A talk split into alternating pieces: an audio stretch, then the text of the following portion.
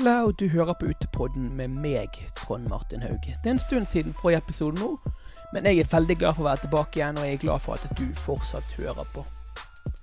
I dag så har jeg tatt en prat med enda en jeg har gått på skole med tidligere, men istedenfor en danser som forrige gang, så er det nå en musiker. Det har jo vært en del hiphop-snakk i den podkasten, og jeg har snakket med et par rappere. Og i dag så er det enda en rapper som eh, gjester uh, Utepodden. Men i motsetning til resten av bergensrappen, så er dagens gjest mer poporientert. Jeg har nemlig snakket med poprapperen Smitten. Håper dere liker episoden, og så er det lov å gå inn på Spotify og Spotify og, eller iTunes og gi oss noen kommentarer og noen stjerner og bare Ja. Det syns jeg du skal. Jeg syns du skal kose deg med episoden. Nok en gang så har jeg en gjest her i studio ute på den som jeg har gått på skole med. Velkommen, eh, Mathias Smith-Sivertsen, eller Smitten som du går for. Hallaisen, hallaisen. Hvordan går det med deg? Det går veldig bra. Det går utrolig bra om dagene. Det, det er ny release og god stemning hele veien. Sommeren er på vei, og vi er i mai måned. Jeg elsker mai måned. Har jo hatt noen rappere i studio her, men dette er jo første Du er første sånn ordentlig poprapperen eh, jeg har her. Hva, hva er Får du noe hate for den med sjangeren, eller hvordan er det? Nei, altså, jeg, jeg tenkte jo det sjøl òg, at når jeg eh, begynte å lage rapp eh, Disse kommersielle artistene som, eh, som lagde veldig eh, catchy musikk, tenkte jeg at eh, dette her Dette her er ikke rapp. Dette her funker ikke, og dette er ikke akseptabelt.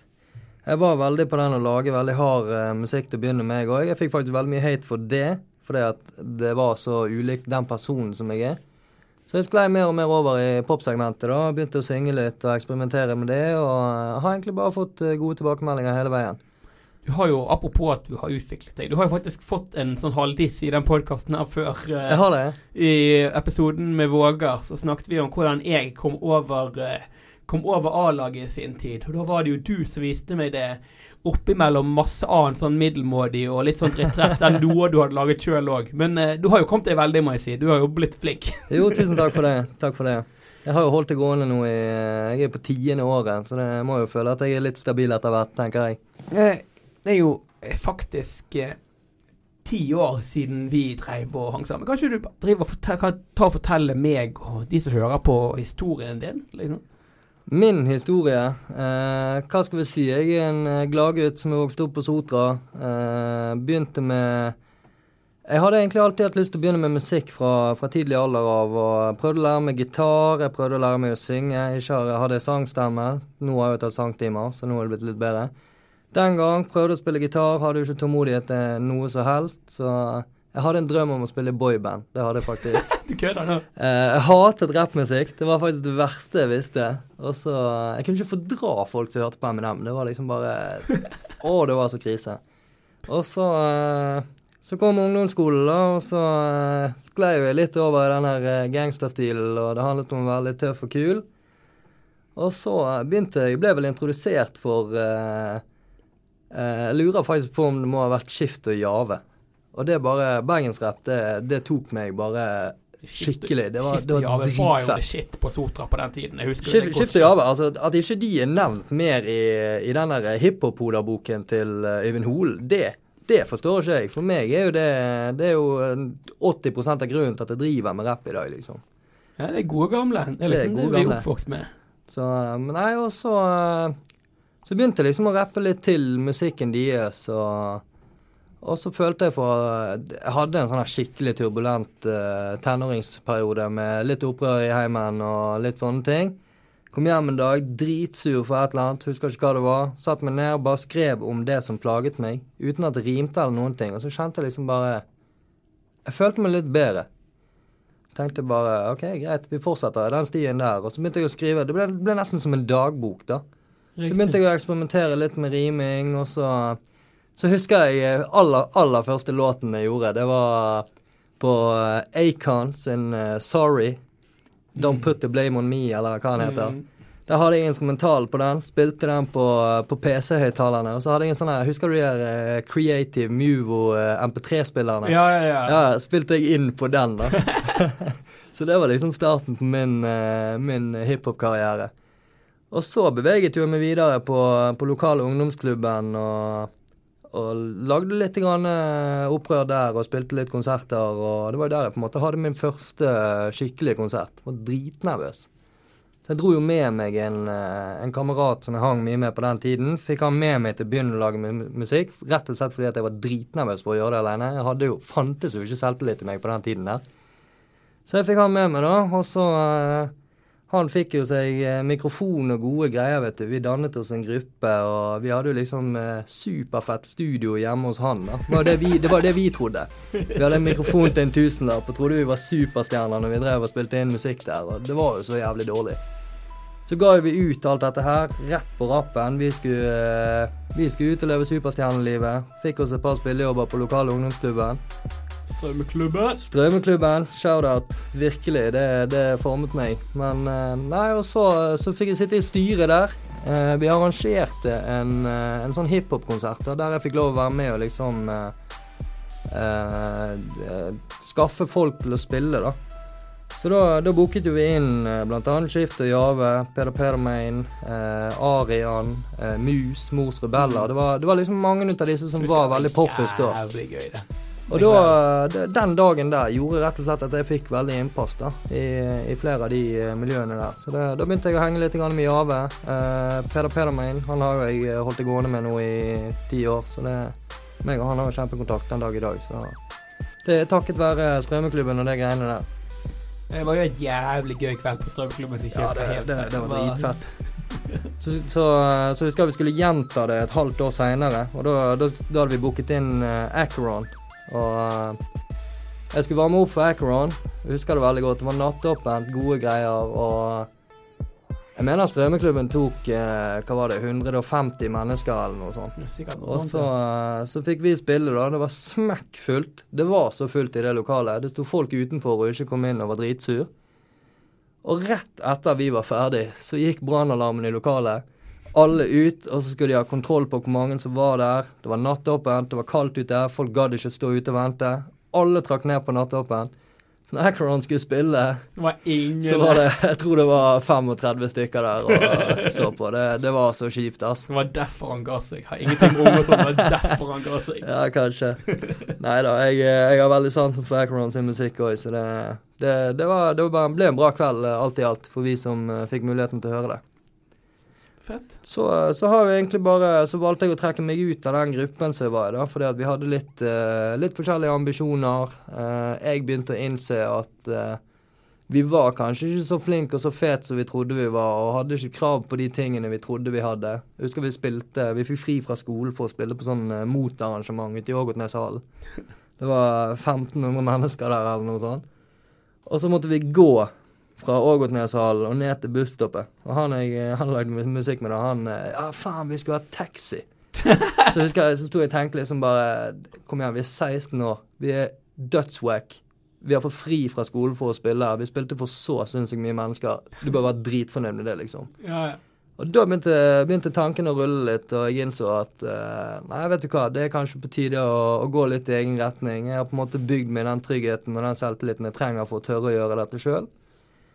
Og da hadde jeg jo eh, en god del år der jeg på en måte bare Der reiste vi fra oss, altså. Vi lagde sinnssykt mye musikk. Eh, jobbet veldig med å snu det der bildet med at jeg trodde jeg var veldig fet. og og sånn på en måte heller viste mye mer takknemlighet og ydmykhet for å få muligheten til å gjøre det jeg gjør. sant? Yeah. Og det, det, jeg er jo ekstremt takknemlig for den musikken har gitt meg de ti årene jeg har holdt på, i forhold til alle menene, alle menneskene jeg har møtt. Og, og det, de, de årene etter eh, det er på en måte den trenden snudde, da. Og musikkbildet begynte å forandre seg litt. Det var fortsatt veldig sånn gangsterrap-opplegg. men, eh, men vi var veldig på hugget. Vi spilte på ungdomsklubber eh, både land og strand. Og vi reiste til Åsane, vi reiste til Voss, vi reiste til Stavanger, til Oslo. Vært i Sogndal. Skulle til Trondheim, drakk oss full og mistet flyet. Sånn skjer. Fikk, eh, fikk en ganske sint arrangør på, på tråden der når vi, når vi ikke dukket opp. Men eh, Ja, ja. nei da, det, det er en del av reisen, absolutt. Og, og jeg, har, jeg har virkelig fått muligheten til å, å se og oppleve litt ting og gjøre litt ting som er annerledes. da. Det, det har gitt meg utrolig mye. Nå gikk du fra sånn gangsterting til mer eh, pop-rap, da? Jeg vil jo si det at dette er kanskje en sant? Jeg hadde disse, dette første året der vi på en måte var veldig sånn useriøse og trodde vi var noe. Så tror jeg jeg hadde en, eh, en periode på tre-fire år der vi på en måte bare lagde sinnssykt mye. Eh, reiste rundt, hadde det fett. Det var på en måte en vennegjeng som ble en del ut av dette å lage musikk og, og sånn. Og så, så, tror jeg kanskje etter fem-seks år eh, Det var jo lenge etter jeg hadde flyttet ut og fått meg fast jobb og leilighet. og på en måte fått litt mer den der eh, A4-tryggheten i livet, da. Og, og du, du, går kanskje litt tom for ting å skrive om i forhold til eh, det turbulente livet, fordi at ting begynner å lande veldig mye. Og da, da husker jeg jeg hadde laget en, en sånn her gangsterlåt eh, midt på natten en gang der. og jeg var dritfornøyd med han. Så viste jeg han til en kompis der, som jeg har laget litt musikk med. Han som jeg hadde med meg på, på den forrige Armageddon-låten. Mm. Uh, og så ser han på meg. Jeg var liksom skikkelig forventningsfull. Dette her syns du er fett. Dette. For han liker sånn type musikk, da. Ja. Så ser han på meg, så han bare hva er det her for noe? Dette er jo det, det, Dette er ikke deg. Du er ikke gangster. Du er ikke så jævla tøff som du skal ha det til. Du sliter ikke sånn som du beskriver i denne sangen. Du, du har alt på stell. Du har hele livet ditt på stell. Alt går rundt, liksom. Hva, hva er greien? Det er kanskje, altså Hvis ikke du har troverdighet i musikken din for deg sjøl, tror du virkelig at noen andre har troverdighet i det? Altså Du må jo tro på det du gjør, hvis ikke ja, ja, så skinner det så jævlig gjennom. Og da, da, da, da gikk liksom ting litt i tankeboksen her, da. Og bare OK, jo, du er, du er kanskje inne på noe her at uh, det, det, er på tide å begynne å forandre musikken litt, da. Så da gikk jeg vel i, i to år og sleit egentlig ganske mye med, med, kreativitetsprosessen og det å liksom snu det lydbildet, da. For jeg, jeg har jo brukt ekstremt mye sånn her uh, Soundclick-beats og kjøpt og lisenser på det og sånne ting. Du, du finner ikke så mye spennende pop-varianter på det. Nei. Så det, det, ble veldig mye sånn halvferdig, halvdårlige greier som jeg på en måte aldri, aldri ble noe særlig happy med. Og så kom jeg vel til, eh, til 2016 og ser det at uh, OK, det hiphop-Bergen begynner virkelig Altså, når jeg begynte å lage musikk i Bergen, så hatet alle bergensrappere, liksom. Det var en gjeng med idioter som trodde de var noe. I dag så er det jo det er jo, eh, det er jo fett. Alle syns det er dritfett å lage mm. bergensrapp. Så det, den trenden har på en måte snudd seg veldig. Uh, og da, da, ble jeg veldig giret ut av å se liksom uh, alle disse som blomstrer opp og liksom uh, skinner igjennom, da. Så da tenkte jeg at OK, nå har jeg gjort dette her såpass lenge at hvis jeg skal fortsette nå, så skal jeg begynne å blande inn skikkelige produsenter. Det gir ut, det skal på Spotify. Og jeg skal bruke mye mer tid på promotering og egentlig alt rundt musikken, da og liksom gjøre ting litt mer profesjonelt og ordentlig. Så da bestemte jeg meg for det. Ringte litt rundt. Eh, fikk jeg meg et management og en avtale med de. Eh, og der eh, begynte ting å rulle litt. Eh, kontaktet TomTom. Produserte eh, 'Sommer i byen', var vel første jeg gjorde med TomTom. Gode, gamle TomTom. TomTommen han, eh, han, har hjulpet meg ekstremt mye i den retningen jeg er i nå. nei, og så så ble jeg plutselig spilt på radio for første gang. Altså ble jeg spilt på P3. Det ga jo mer smak. Eh, den, eh, de ukene der var ganske hektisk. Jeg eh, må være dritfett å bli på radio første gang. Ja, det, det var skikkelig kick. Det var midt under fotball-VM. Jeg husker jeg satt på, eh, på Tree Lions nede i Kong Oscars gate. Mm. det heter? Satt der med familien liksom, og ser på fotballkamp og drikker øl, og så bare, så bare sitter jeg liksom og har på, på streamingen på P3. da, bare, oh shit, nå skal jeg bli spilt på radio. Det var dritfett. Mm. Og så ga det meg skikkelig kick. Uh, uken etterpå så spilte jeg uh, Vi spilte jo på Tønnebålet og masse sånne her lokale arrangementer rundt om. Uh, fikk muligheten til å, til å spille for det, det, tror jeg faktisk er en av de, de, sterkeste jobbene jeg noensinne har gjort. Det var Jeg fikk muligheten for å spille konsert for utviklingshemmede oppe på, på Nesttun kulturhus. Kult. Jeg var veldig usikker på hva jeg skulle forvente meg. Eh, men det, det, gikk virkelig inn på meg å se liksom det at eh, At man faktisk kan gi noe til noen som, som gjerne har det litt annerledes, og, og, ser at dette her liksom Det, det betyr noe for dem, da. Mm. Det, det, ga meg ekstremt mye. Alle disse tingene her gjorde at jeg på en måte Det ga meg litt gnisten tilbake igjen, og OK, greit, denne ballen må rulle, og dette, dette er noe jeg vil fortsette med. Og selv om det har dabbet av, jeg spiller ikke like mye konserter vi er ikke den samme vennegjengen som lager musikk. Jeg står litt mer på egne bein og, og, og gjør ting litt mer på egen hånd. Kanskje litt mer ensomt og sånn. Men, men når sånne øyeblikk oppstår, det er da jeg på en måte innser at uh, dette er noe jeg virkelig, virkelig liker å gjøre, da. Hva er den feteste gigen du har gjort? Den feteste gigen jeg har gjort, det må være i fjor, faktisk. 2018. Spilte jeg på på skoleball på Sotra. Faktisk på min gamle ungdomsskole. Fjell, Fjell ungdomsskole. Ja. Jeg tror det var 700-800 elever der, så var Ja, det var, det var helt sinnssyk stemning. Det, det, ja, det, det, var rett og slett ubeskrivelig. Det beste 40 minuttene jeg har hatt på en scene Homecoming king. Ja, det, var, det, var, det føltes nesten sånn. Det var sånn åh, deilig å være tilbake. Jeg tørde aldri å gå på scenen når jeg, når jeg gikk på ungdomsskole der. Og det, det å liksom bare komme tilbake igjen og bare erobre den Grimshallen og bare se videoklipp av det etterpå og bare se at ok, det var faktisk like fett som det så ut som. Det var så god stemning som jeg følte det var. Fett. Og nei da, det var konfetti utover hele gulvet og røyklagt lokale og Nei da, det var, var topp stemning.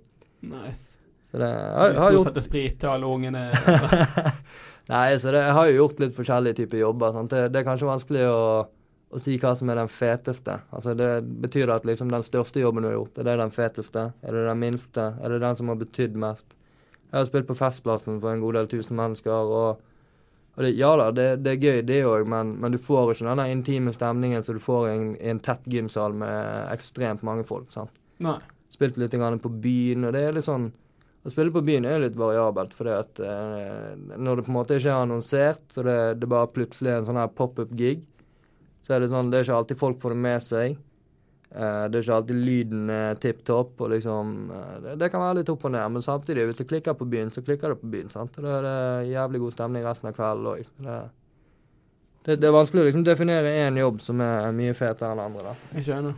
Men, uh, men den første jeg liksom kan trekke opp, er nok den der jeg hadde på Sotra i fjor. Det, det, det har sikkert litt med det der at at jeg på en måte kom tilbake til et sted jeg aldri har turt å stå på en scene før, og, og følte at jeg nailet det ganske greit. Det var når du gikk der du begynte òg, var ikke det? Eh, jo. Ja. Det var vel i tiende klasse jeg begynte å eksperimentere med musikken. Ja. Jeg skjønner at det må være svært. Å bare komme tilbake inn der og ja, det, altså, så, Husker du altså Vi hadde jo Carl Fredrik i musikk, sant. Ja, han, var, han var arrangør der, og så, så, drar han meg til siden etter konserten, så han bare Du, hva, hva karakter fikk du i, i musikk av meg? Jeg tror, jeg tror jeg fikk fire. Ja, Det må du aldri si til noen. Det, du, du, du, skulle hatt en sekser. Det er jo ikke tvil om engang. Ja, der, eh, der kan du se. Jeg fikk fem av ham, men det var for at han var kompis med min onkel. ja, jeg husker de timene der. Det var, det var, kanskje derfor jeg aldri lærte meg å spille gitar. Fordi at vi satt i timene med Carl Fredrik og skulle ha gitartimer. Det, han eh, forsvant jo som regel ut og tok seg en kaffe og ditt og datt. Og det ble bare Vi lukket rundt. Okay, ja, ja. Jeg tror, jeg tror, det var sånn jeg endte opp med å spille triangel, liksom. Det var det, var det jeg dugde til. Ja, ja. Jeg var jo en svært litt talentfull klasse. ja, absolutt. Hva du hører på? Er det stort sett hiphop det går i, eller hiphop? Hip Ja, hva jeg hører på? Jo, det blir, det blir vel kanskje hiphop som er det jeg hører mest på. Jeg må jo, eh, jeg må jo absolutt trekke fram uh, eh, MGK. Mm. Det er jo uh, altså det er min uh, favoritt nummer én. Det er jo udødelig musikk, for min del. Ja. Litt rart. Det er jo det er veldig annerledes enn det jeg lager sjøl. Det er det jo. Uh, men det er et eller annet med Machine Gun Kelly som bare treffer meg fullstendig. Mm. Uh, utenom det så Jeg vet ikke, jeg var jo i, Nå har jeg vært i, i påsken i Hemsedal, og det er jo ganske sånn her uh, Det blir ganske klubbete. Ja. Så akkurat nå så har jeg litt dilla på, på han der Rehab. Han her DJ-en. Mm. Driver og finner en del mikser av han og, og, hører litt på det. Uh, så hører jeg en del på, på bergensrapp. Både nytt og gammelt. Syns, uh, syns begge deler funker ganske kult. Hva er favorittrapperen din i byen, da? Favorittrapperen min i byen? Det Jeg vet ikke. Det, det er vanskelig å liksom å si noe, men de jeg på en måte inspireres mest av, det tror jeg faktisk er Sushi X Kobe og. Emir. Jeg syns, jeg syns, det virkelig er Det er dritfett. Det mm. å bare se at liksom eh, Ting kan være så eh, jeg, vet, jeg, vet, ikke om jeg skal kalle det useriøst, men uhøytidelig. Mm. Og samtidig så bare Det smeller så sinnssykt. Det, det er så fett å liksom se den. Altså, jeg, jeg føler liksom Hvis du ser kontrasten mellom Bergen og Oslo, da, Ja. så har du Oslo er veldig sånn her eh, bransjebasert eh, i forhold til å ha kontrakter med management, plateselskap, og liksom gå den der eh, firkantete veien, da. Mm. Mens i Bergen så er det veldig sånn her eh, du, du er bare en vennegjeng som sitter og lager musikk, og egentlig ikke Du har ikke noe forventningspress og, og de tingene der. Du bare Du lager musikk fordi det er gøy, og så bare Så funker det så jævlig bra. Jeg føler at det er litt sånn uten, Jeg er jo utenfor miljøet, jeg bare lytter med ryggen, men mitt inntrykk er at det er jævla mye strengere i Oslo på Mm. hva som går gjennom av sjanger, stil, Ja, eh, hvor du henter beat, hvor du henter inspirasjon. At Bergen miljøet der er mye mer åpent, og uten å vite, men det er bare sånn som lytter. Ja altså det det, det, det jeg tenker, at Bergen er veldig fritt. Du, du, du, har ikke noe, du har ikke noen form for jantelov som sier at sånn må du gjøre, sånn kan du ikke gjøre. Og, og det, det, det føler jeg kanskje er litt mer firkantet i Oslo, da. Og, og det, det er jo kanskje synd, for det at sånn Altså hvis du ser liksom eh, radiomessig, Mm. så er det jo dessverre eh, Oslo som tar den største biten av, eh, av rappmusikken, da. Absolutt. Og eh, ikke for høyte på Oslo på noen måte, men jeg syns jo at Bergen har sinnssykt mye ting som er mye fetere enn masse av det som går på radio i dag, da. Absolutt. Og, eh, men det, det endrer seg kanskje litt nå, da, når de, P3 har fått ny musikksjef og litt mer tolerant for, eh, for annen type musikk. Jeg var, var jo på et sånt her foredrag med, med han Øyvind Holen Mm. og Hippopoder. Og, og han, han sa jo det at eh, hvis du ser tilbake igjen på de tre siste årene, da, så har du jo altså Det, det i dag å havne på, på A- og B-lister på radio, det er ikke så betydningsfullt gjerne som det var for 10-15 år siden. Men det å havne på eh, Spotify sine lister, det er jo gjerne noe som gir deg ganske mye boost. da. Og hvis du ser på de siste tre årene, så har du 49 av de topp 50-artistene de kommer fra major labels som Universal, Sony Mm, og, og sånn. Og så har du én artist utenom de 49 andre som har klart å ligge på den listen, og det er Karpe. Ja. Og det liksom det, det, det sier litt om hvor vanskelig det er å faktisk få innpass på de listene uten å, å være underlagt et svært selskap, da. Og det, det håper jeg at kanskje kan forandre seg litt, fordi at Altså den kreative prosessen med å se hvordan musikk blir laget uten at noen krever at det skal være sånn og sånn og sånn. At det bare er rett og slett rett ifra hodet til de som lager det. Mm. Det, blir jo mye mer nært. Det blir mye, mye bedre. Det er mye lettere nå i dag òg, føler jeg, fordi at du kan gjøre det meste sjøl. Okay, du får ikke Mm. den beste lyden, men du kan basically sitte igjen på gutterommet ditt og få en låt ut på Spotify. Det kan du. Og det Absolutt. gjør det jo at flere slipper gjennom. Du trenger ikke et svært eh, Selskap i ryggen. Nei, nei. Nei, det, det, det, det er en god ting. Problemet der er jo òg at eh, folk sier liksom Ja, men det er jo så lett nå når du har sosiale medier å dele musikken med, og, og de som lagde musikk på 80- og 90-tallet, var mye vanskeligere for de å slå igjennom. Og så kan du begynne å tenke deg, da. Hvor mange lagde rappmusikk på 80- og 90-tallet, kontra hvor mange som lager rappmusikk i dag? Altså, jeg vet ikke hvor mange låter som blir gitt ut i løpet av en uke i Norge på Spotify. Og det å være en av de som da treffer gjennom nåløyet og holder det gående, det er Da skal du ha flaks, altså. Ja, ja. Det, det er ikke bare talent det går på der. Nei. Og det, det, det ser jeg jo liksom jeg, jeg mener jeg har hørt at de sier det at for å kunne være en etablert stor artist, så må du gi ut Fra gjennombruddslåten din, så må du ha fire låter, minst én i måneden, før du på en måte det er akseptabelt at du kan sitte deg ned og jobbe i et halvt år uten å gi ut noe. Så vil folk fortsatt huske deg og relatere til deg når du gir ut ny musikk. da. Mm. Så basically, når du har gjennombruddet ditt, så må du ha fire låter klar. Ja. Det jo om, det, om det stemmer, det vet jeg ikke, men Nei, nei. eh, Det, det kan godt være. Jeg skjønner jo tanken bak det. Det gjør jeg jo. Mm. Absolutt. Nei, det er ikke lett å drive med musikk. Det er det ikke. Nei, jeg, eh, jeg, har ikke noe, jeg har ikke noe formening om at eh, dette skal være noe levebrød eller noe sånt for min del. På, på ingen måte. Det, jeg gjør det fordi at jeg syns det er gøy å gjøre det. og Så lenge jeg syns det er gøy, så kommer jeg til å holde det gående. Og hvis jeg, eh, hvis jeg mister interessen, så, så kommer jeg til å trekke meg unna. Og det, jeg, jeg kommer nok aldri til å slutte å lage musikk, for jeg lager ekstremt mye personlig musikk òg, som på en måte klarner mine tanker og mine meninger om ting. Men, eh, men eh, det er ikke sikkert at jeg alltid kommer til å ha det behovet for å eksponere musikken min og gi det ut. da. Nei. Det, det er noe som jeg, eh, jeg må ta litt på med årene. Jeg kjenner jo det sjøl òg, at at nå har jeg holdt på i ti år. Det har vært mye oppturer, og det har vært en del nedturer òg. Og, og, det er liksom nå greit. Jeg er en ganske etablert innenfor den sjangeren som jeg er i, men igjen, jeg er helt alene i Bergen. Uh, det, blir, det blir jo litt ensomt. Selvfølgelig gjør det det. Uh, og det blir mindre spilling. Uh, men hvem vet? altså Det kan jo være det snur. og det Får se. Jeg, har det, jeg, jeg, jeg, føler ikke på noe forventningspress eller noe så helt. Så det, jeg holder på med det. Det er en hobby. Jeg syns det er gøy å gjøre det. og det, det får gå så lenge som jeg syns det er gøy. Du slapp jo en låt her om dagen. Kan ikke du fortelle litt om den låten? Om uh, Snakke litt? Snakke litt, ja. Snakke litt. Det er jo en, uh, en låt som Jeg vil jo si at den skiller seg en del ut ifra det som jeg har laget tidligere. Det føler jeg at jeg sier hver gang jeg gir ut en låt. Det er jo greit nok. Men, men nå ga jeg ut den 'Ingen ansvar' i april, som på en måte bare var en liten sånn oppvarming til, til Snakke litt. Snakke litt har ligget i arkivet mitt uh, siden Jeg lagde den i september i fjor. September 2018 mm. tror jeg jeg var i Oslo og lagde den. Uh, og så forsvant vel egentlig hele prosjektet, da. Vi fikk aldri gjort det ferdig. Og så, så plukket jeg det opp igjen over jul. Uh, og lagde Da startet vi helt fra scratch. Uh, lagde det hos TomTommen. Og var litt fram og tilbake om jeg var happy med det eller ikke. Og jeg hadde på en måte Problemet er når du lager en skisse, sant, så lager du veldig mye meninger om hvordan det skal høres ut.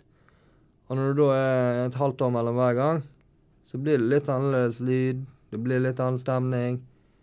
Og, og det, det, Jeg var litt på vippen der, men uh, så tenkte jeg greit, dette her er, det, det, er fett. Det er en låt som kommer til å funke. Uh, det er en veldig sommerlig låt. Veldig gladsang. Lurt å slippe den nå midt i mai, da.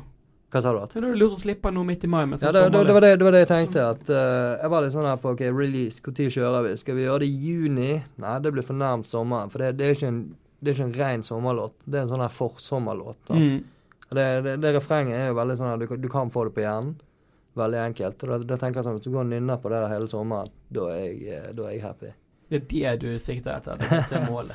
ja, altså det, det, er jo gøy når folk uh, lærer seg sangene sine, sangene dine og sånn, da, men uh, Nei, jeg vet ikke, altså hvis, jeg skal definere hvor jeg egentlig vil ligge i musikksegmentet mitt, så vil jo jeg kanskje si at uh, poppete klubbmusikk er jo egentlig der jeg vil ligge. Sånn ja. som uh, Hjem til meg og Armageddon er jo på en måte de jeg har hatt best vibber på sjøl og på en måte vært mest fornøyd med.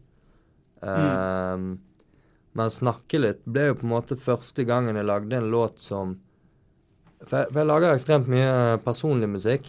Og jeg lager mye kommersiell musikk. Men jeg har aldri greid å liksom kombinere de to, da. Å snakke litt er jo på en måte basert på personlige hendelser som jeg opplevde rundt den tiden den låten er laget. Uh, og, og, det å liksom da klare å sette det sammen og gjøre det kommersielt, og, og, se at liksom OK, dette her er noe andre folk relaterer til, dette er noe andre kjenner seg igjen i, blir glad av å høre, liksom. Og sånn har jeg òg følt det. Det, det. det, liker jeg. Men, men samtidig så så jeg er veldig sånn i tenkeboksen og prøver å finne ut uh, OK, hvor, hvor, passer denne låten?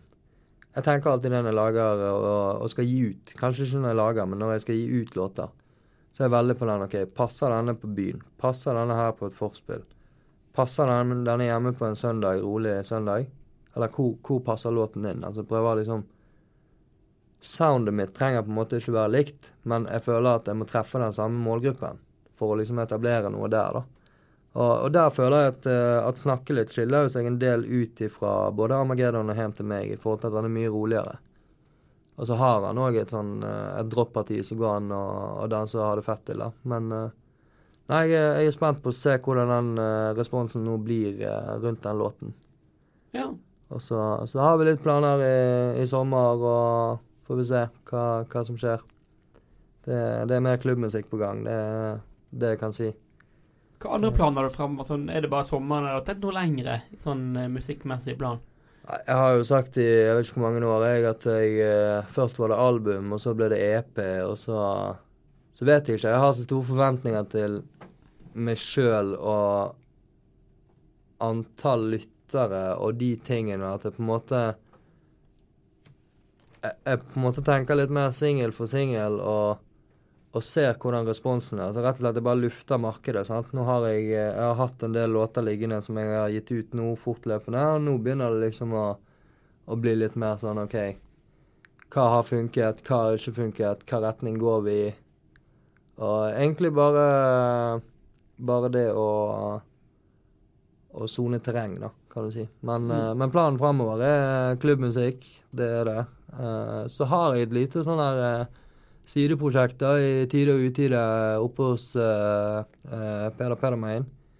Han eh, produserer litt for meg, og, og jeg, jeg, føler det er et veldig sånn fint sideprosjekt, fordi at jeg, jeg tror det er mange som på en måte glemmer hvor mine røtter kommer fra, nå når jeg lager poprap, og tenker at OK, dette er en fyr som ikke kan rappe. Han bare liksom Jeg ser det du lager med Peder, det er mer tradisjonelt? Eh, Peder-produksjonene mine, det er, det er rett og slett eh, gode, gamle 2010 2015-salget mitt.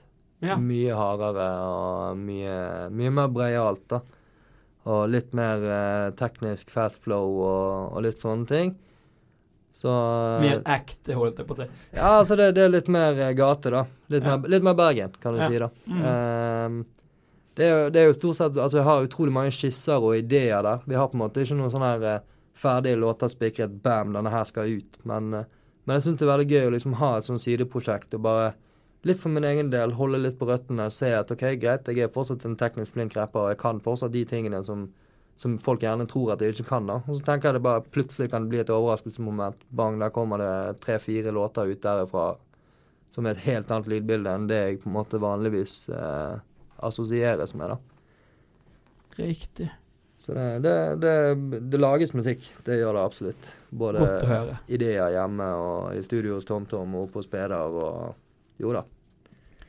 Eh, Og dere som hører på, så er det bare å gå ned under podkasten, så finner dere link til musikken til Mathias. Det fikser vi. Så blir jeg veldig veldig glad hvis du gidder å sjekke det ut og gi en tilbakemelding. Du finner meg på alle mulige sosiale medier. Følg han. Du, sånn til slutt her, så pleier jeg alltid å spørre gjestene mine hvor i Bergen de går ut bare for å linke podkasten tilbake til byen. Så hvor går du ut henne, Mathias? Hvor jeg går ut nå for tiden eh, Jeg har hatt eh, veldig eh, kick på å gå på Kaffe MM, faktisk. Ja. Dritfett sted. Utenom det så går jeg på Ja, det blir MM, det blir Cava. Gått litt lei Cava. Mm. Og så har jeg Villa Blanca. Villa er Blanca. De, de stedene jeg har vært. Og så Lille. Lille er en udødelig klassiker. Der, er- ja, det, det, det går opp og ned i berg-og-dal-bane, men uh, nei da. Lille alltid. Fett.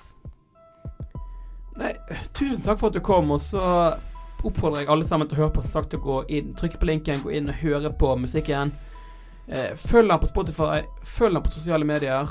Og ikke minst, følg oss i Utetrend på sosiale medier. Og abonner på podkastene, gi meg noen stjerner, og så høres vi snart igjen. Woop, woop. Tusen takk for meg.